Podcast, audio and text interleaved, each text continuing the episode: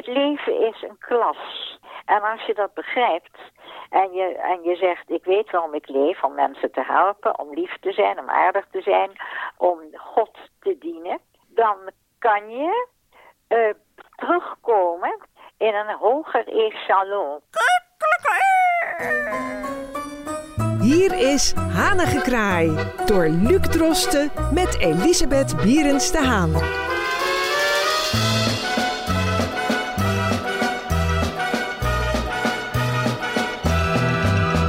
Welkom, dit is de 99ste aflevering van Hanige Kraaien. En dat is dus een opmars naar volgende week. Uh, ja, ook de laatste en de honderdste aflevering van uh, de serie. En vandaag gaan wij in aanloop daar naartoe uh, verder op een thema dat ooit al eens eerder is aangestipt. En dat was ooit het thema reïncarnatie. En mevrouw Bieres de Haan, u vertelde mij, wat ook niemand zal verbazen, dat u meerdere eerdere levens heeft gehad. Wij weten als luisteraars al van uw leven enigszins in Engeland in de 19e eeuw. In de aflevering vorig jaar meen ik dat we het hebben gehad over het fenomeen zwemmen en de reden dat u niet van zwemmen hield. Maar u vertelde mij dat u ook levens heeft in Griekenland onder andere. En daarom vandaag als thema de oude ziel. Hoe oud was u toen u voor het eerst doorhad dat u eerdere levens uh, achter u had? Heel klein al zo'n jaar of drie, vier, dat ik dacht, hé, hey, dat is merkwaardig. Ik heb dit eerder meegemaakt. Dit is gek. Een déjà vu noem je dat in de psychologie. En eh, dat vertelde mijn man later. Ja, dat zijn déjà vu's. En ik zeg ja, maar ik zie het nog eigenlijk nog veel verder dan een déjà vu. Ik voelde van, hé, hey, dat is gek. Waarom koop ik op mijn dertiende in een speelgoedwinkel een klein Egyptisch uh, ja, graf, uh, grafje, een soort piramideachtig grafje, waar een farao in ligt. Het was van bakkeliet gemaakt, niet van plastic. Het is net zo groot als een pink. Het is niet groter dan dat. Het is gemaakt van bakkeliet. En als je nou met dat, dat grafje schudt, dan springt dat mummietje, dat springt eruit. En dat vond ik zo leuk. Ik dacht, dan geef ik het moeder, dan laat ik er even schrikken, dan schudt ze en dan hups, springt dat mummietje wat in, in dat grafje ligt, dat springt eruit. En toen ik later in de KLM reizen ma maakte naar Egypte, wist ik, ik heb hier gewoond aan de woestijn. Ik heb hier gewoond vlakbij Cairo. Cairo zegt men dan. En dan ga je iets buiten de stad. Dat was in de jaren zestig. Was al nog minder gebouwd. En dan heb je hele mooie huizen met glas en lood. Ik ben dol op glas en lood. En die glas en lood, die hebben dan figuren van vogels en watervogels. En prachtige lelies. Schitterend. En ik, ik wist, ik heb in zo'n huis gewoond. Wie was ik? Daar ben ik niet achter gekomen. Maar toen wij met de bemanning naar een winkeltje gingen om scarabeeën te kopen. Dat is echt, uh, dat doen de toeristen, scarabeeën. Het zijn soort beestjes van, van mineraalstoffen. En ik zat te wachten en ik denk, hier ben ik eerder geweest. Ik ruik het, ik voel het, ik weet het, ik zie het. Wie was ik? Ik ben zo ver gekomen dat ik weet dat ik aan de rand van de woestijn woonde. Dat ik alleen was in dat huis. Waar was mijn man? Want ik was wel getrouwd geweest, maar waar was die? Ik ben nooit verder gekomen. Maar de geluiden van Egypte, de zwoele wind die daar altijd waait, de prachtige kledij in de jaren zestig is allemaal weg. Hè? Het is allemaal Europees, Amerikaans uh, uh, kostuums. Je hebt niet meer van die witte gewaden, alleen met feestelijkheden en een rode vest hadden de mannen in die tijd op en die witte grote gewaden. Als ze dan in de bussen gingen, die waren overloaded met mensen, dan wapperden die witte gewaden in de wind. En dat herkende ik. Dat gewapper, het geluid, die zoele wind. Dus dat was mijn eerste gevoel van reïncarnatie is er. Ik heb eerder geleefd. dat was het. En toen de tweede reis ging naar Griekenland. We vlogen Lockheed Electra. En dat betekende dat je Midden-Oosten en Verre Oosten ging vliegen met de Lockheed. En wij vlogen dus eerst naar Griekenland. En ik kom daar in Athene. Ik zeg tegen de purser, waar zijn al die bomen gebleven? Toen zei hij, dit is toch je eerste reis? Ik zei, ja, dit is mijn eerste reis. Hoe weet je dan dat er bomen waren? Ik zeg, dat voel ik. Ze zijn allemaal weg. Toen zei de purser, je hebt gelijk. Er is ontzettend veel gekapt in Griekenland. En wat houdt dat in? Dat het droog, droog, droog, want bomen trekken water aan. En daarom uh, is de natuur verknald doordat die bomen, een heleboel bomen weg zijn. Er zullen misschien nieuwe aanplant in die jaren weer gebeurd zijn. Maar toen ik er was, was het een soort kaalslag. En dat was het eerste wat me opviel. Waar zijn die bomen? Dat was dus de tweede indicatie van, hé, hey, hier ben ik geweest. Acropolis, hé, hey, komt me bekend voor. De Amerikanen waren bezig met de opbouw van de tempels. Maar ik dacht, het, die kleur is niet goed. Die kleur van de steen was anders. En zo krijg je puzzelstukken in mijn leven die een beeld maken van levens, stukken van levens die je volgens jouw gevoel hebt gehad. En als een ander zegt, nou ik geloof er niet in, dan zeg prima, geloof er niet in. Maar als ik overlijd, dan krijg ik een rustperiode, zoals Rudolf Steiner, de grote antroposoof, antroposofie. Hij schreef in zijn geschriften, als je sterft word je gereinigd. Je aardse zonde, iedereen is zondig. Je wordt gereinigd en als je gereinigd bent, dan ben je klaar voor een nieuw leven. En dat is meestal na honderd aardse jaren. Want honderd jaar de geestelijke wereld is niks, is een zuchtje, is een windje. Zelfs als je geopereerd wordt en je wordt wakker en ik zei, mama, wanneer word ik geopereerd? Toen zei moeder, je bent geopereerd, je blinde darm is eruit. Ik zei, oh hè? En hé, uh, hey, wat gek hoor. Nou, dus je, het gevoel van tijd valt weg als je sterft. Maar de incarnatie gaat door. Naar gelang je ook geleefd hebt. Dan kom je bij de boeddhisten en de hindoes. Die geloven daar ook in. Je kan even incarneren als een dier. Daar geloven mensen helemaal niet in. Maar mijn geloof is incarnatie.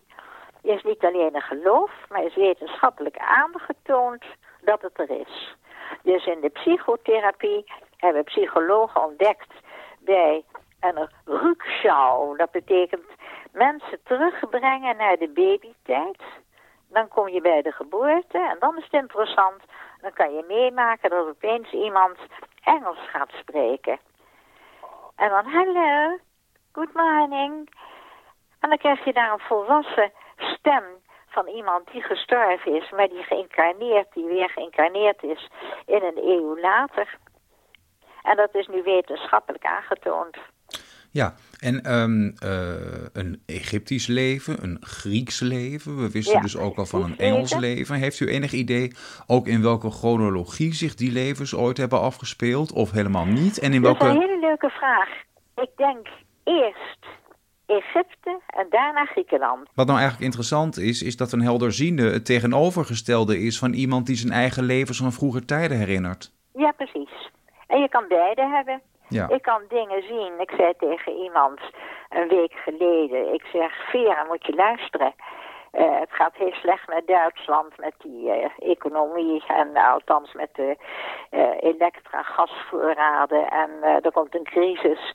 Ik zou niet naar Zwitserland gaan, want straks zit je vast op de, op de snelweg. Zit je bij Ludwigshaven zonder benzine. Dat kan.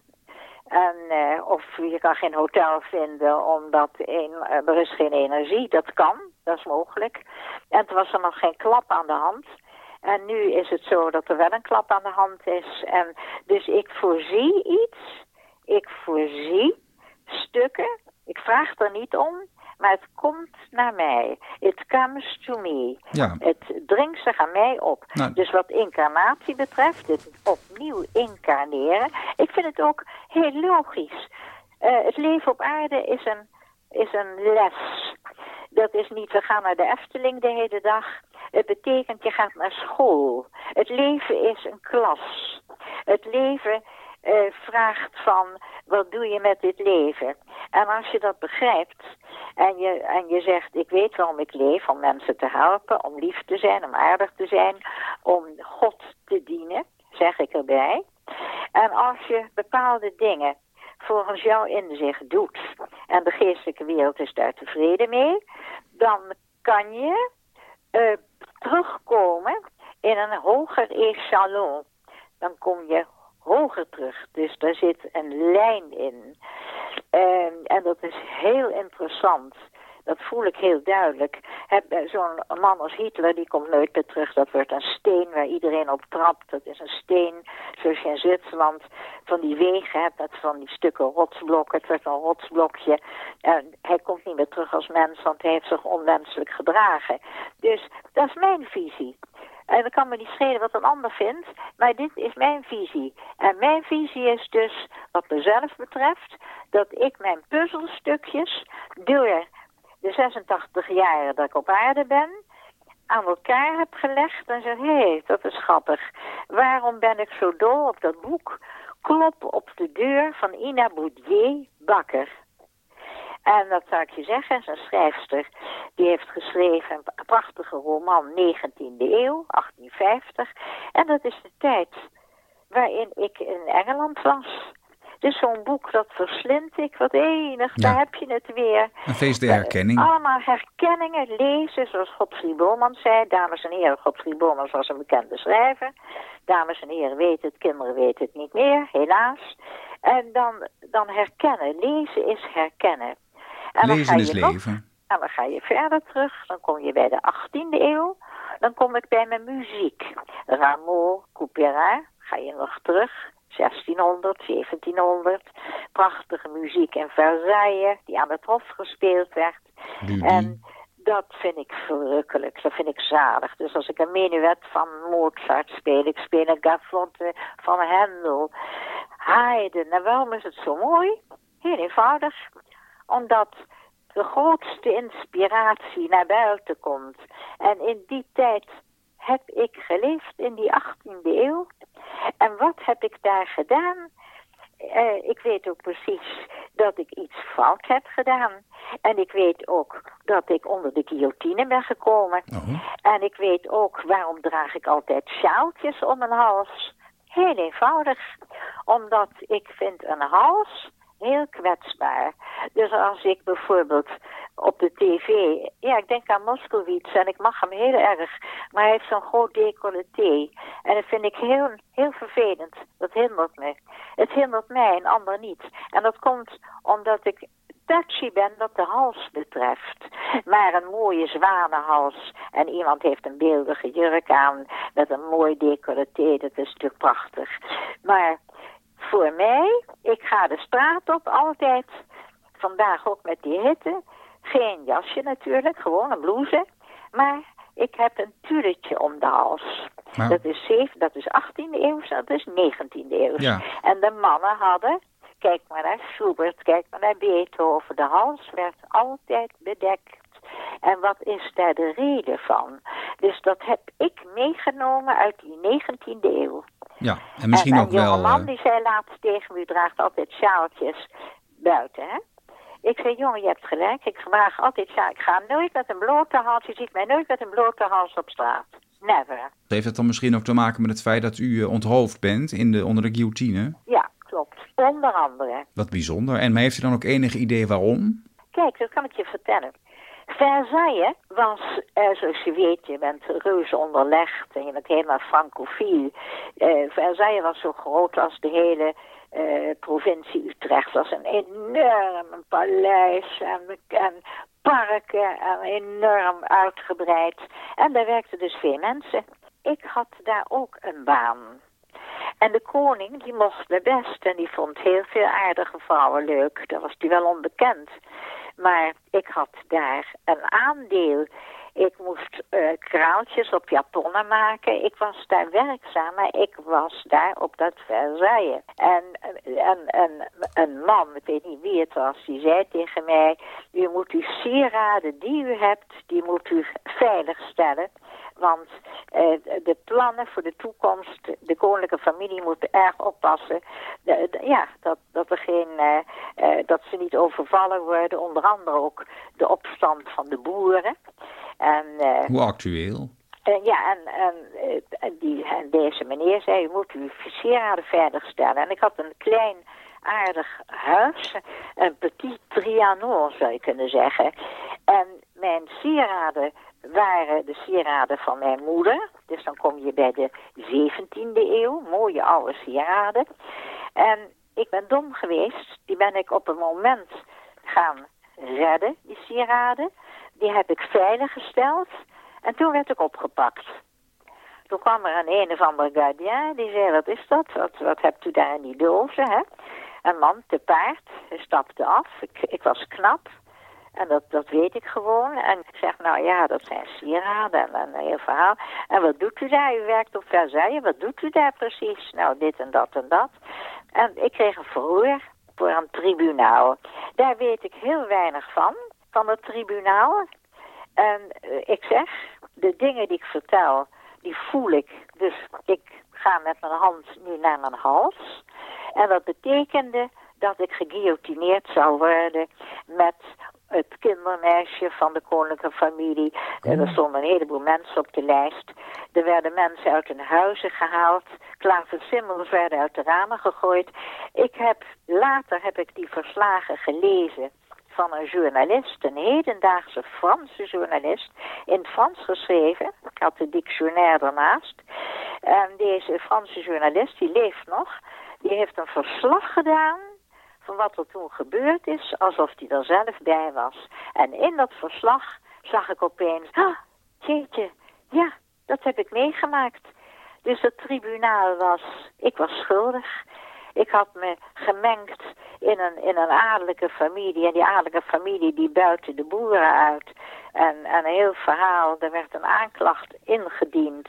En, eh, nou, en toen ben ik dus uh, uh, onthoofd. Is heel eng. Het gaat heel snel. Je valt ook meteen flauw. Uh, gelukkig maar, want het is vreselijk eng. En dan om die galg, of om, de, om het uh, ja, hoe heet het? het schavot? schavot. Daar zaten vrouwen en dat noemde men de tricoteuse. En die zaten te breien. En die vonden het enig, want die hoofden vielen in manden. Ja. Er stonden manden klaar en vielen die hoofden in. En, uh, en dan aan een speer en dan liep, liep men daarmee rond, om dat hoofd te tonen aan het volk. Rond, precies, dat is allemaal doodeng. Ja. Dus dat is dus merkwaardig, dat zonder dat ik fantaseer, ik, nu ik dit verhaal vertel, heb ik mijn hand bij mijn hals. Mijn hals is my precious In het Engels kan ik de dingen veel beter zeggen.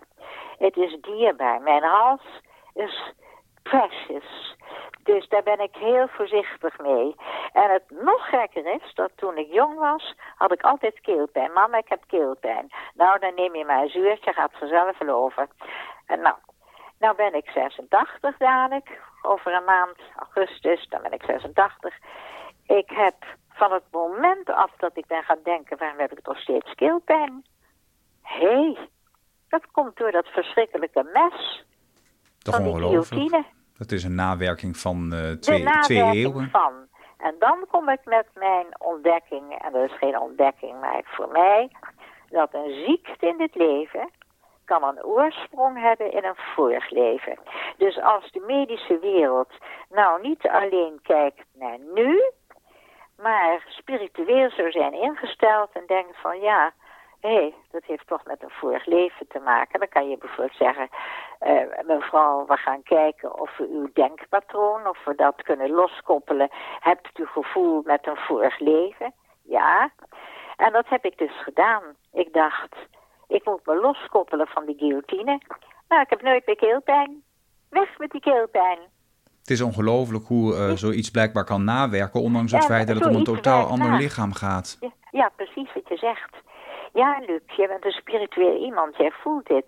En dat is dus geen wetenschappelijk denken, dit is een gevoelsmatig denken. Ja. En uh, zo, uh, ja, laat ik het zo zeggen, het merkwaardig is dat mijn man leefde ook Onder andere in de 18e eeuw. En we kenden elkaar. Maar mijn man is niet geguillotineerd. En hoe is dat nou gekomen? In Holland kwam die aan in de 18e eeuw. En daar is zijn incarnatieve lijn verder gegaan. Hmm. Dus toen Julian en ik elkaar kenden, zei Julian... Elisabeth, in Parijs, toen alles nog koeken en ei was, zat ik in een koets met beeldschone dames met prachtige decolletés. En daar ben ik zo gevoelig voor. Zei Julia, wat heb je genoten? Ja, zei hij. En mooi en mooie pruiken en ze roken zo heerlijk. En dan een beetje dat gepoeierde. Oh, ik vond het prachtig allemaal. Zo zat hij te vertellen. En, en Julia zei, we kenden elkaar uit Versailles. En uh, u heeft niet het vermogen om op een bepaalde manier al te voorspellen waar een eventueel volgend leven zou kunnen zijn of een bepaalde andere gedachte daarover. Nee, want dan ga ik op de plaats van God zitten. Nee, maar goed, het kan zijn dat God u al enigszins heeft doorgegeven wat u te wachten staat. nee, dat doet hij niet. Komt tijd komt eraan. Als je sterft, dan komt de openbaring. Hm. En je moet eerst gezuiverd worden. Mijn man toen die gestorven was, de volgende dag, had ik een visioen. En toen zei Elisabeth, ik ben gereinigd. En Elisabeth, een oude klasgenoot, weet je nog, Jetty van Riemsdijk. Ik zeg, god, ja, daar had je het zo vaak over. Een kindje uit, uit de middelbare school. Daar was die erg verliefd op. En, eh, en Julia zei, die is net aangekomen. Ik zeg, net aangekomen? Ja, en we wandelen elke morgen in een bos. Ik zeg maar, Juliaan, is daar dan een... Oh, dat is zo prachtig. En toen dacht ik, na dat gesprek wat ik had... Een gesprek, een soort visioengesprek. Ik dacht, ik ga eens even bellen met de burgerlijke stand. Eens even horen of er een mevrouw van Riemstijk overleden is. Ja, uit Aardenhout. Die mevrouw is overleden. En die, die loopt nu als een soort geestelijke... Uh, engelachtige verschijning naar Julian in de bossen. Julian zei, ben je niet jaloers? Ik zei, lieve Julian, ik zit op aarde. Jij zit niet op aarde. Ik zit op aarde. We zien elkaar straks. Oh ja, het is hier zo mooi. Ik denk aan je, maar ik ben erg veel aan het wandelen. Met haar, ja. en het is, Rudolf Stara zou zeggen, dat heet welkenhumor. Over openbaringen gesproken. We gaan het zo alweer uh, afronden. Ja. Maar uh, ja, het is prachtig om een inkijk te hebben in al die verschillende levens. En ik denk zelf wel, u zo aangehoord hebbende, dat uh, de eventuele herinneringen die boven komen drijven uit eerdere levens waarschijnlijk wel opgewekt worden door het bezoeken van de betreffende plekken. Denkt u ook niet? Dat hoeft niet. Het kan wel, het hoeft niet. Nee. De goddelijke wereld geeft de mens bepaalde openbaringen. Ja, en dan is dan de mens om, om ook nog iets daar al dan niet voor open te staan. Ja, men, uh, de goddelijke wereld openbaart mensen stukjes. En ik heb opgemerkt in mijn leven, vraag niets. Um, en er is een stuk van Robert Schumann. En dat heet, dat is mooi, uit het boek Boenteblätter. En dat vind ik heerlijk om te spelen, die stukken. En er is een stuk dat heet Waarom. Men vraagt altijd waarom. En uh, vraagt dingen. Hoe minder je vraagt, hoe meer je antwoord krijgt. Dat is een filosofie die ik nu op mijn oude leeftijd heb ontdekt. Vraag niet, maar het komt naar je toe. Als God het nodig vindt. Nou, dat is een goede reden voor mij om ook nu geen vraag meer te stellen dan. Nee, precies. ja, Luc. En mevrouw ja. Bierstaan, ik um, verheug ons op, um, over moeten ook enigszins gesproken, de laatste aflevering van ja, volgende week. Waarin wij uh, centraal gaan stellen ja. het magische getal 100. 100. Ja. Want het is niet alleen uh, de honderdste aflevering, maar ik wil ook volgende week heel erg graag van u weten. En menig luisteraar zal dat ook willen of het uw ambitie is om 100 te worden. Maar daarover Ja. volgende week meer. Mevrouw Bierenstaan, heel veel dank voor uw inkijk in uw vorige levens. Dankjewel, Luc. En tot volgende week. Tot volgende week, Luc. Wilt u reageren? Dat kan. U kunt direct contact opnemen met mevrouw Berends de Haan via haar eigen mailadres elisabethberendstehaan.ziggo.nl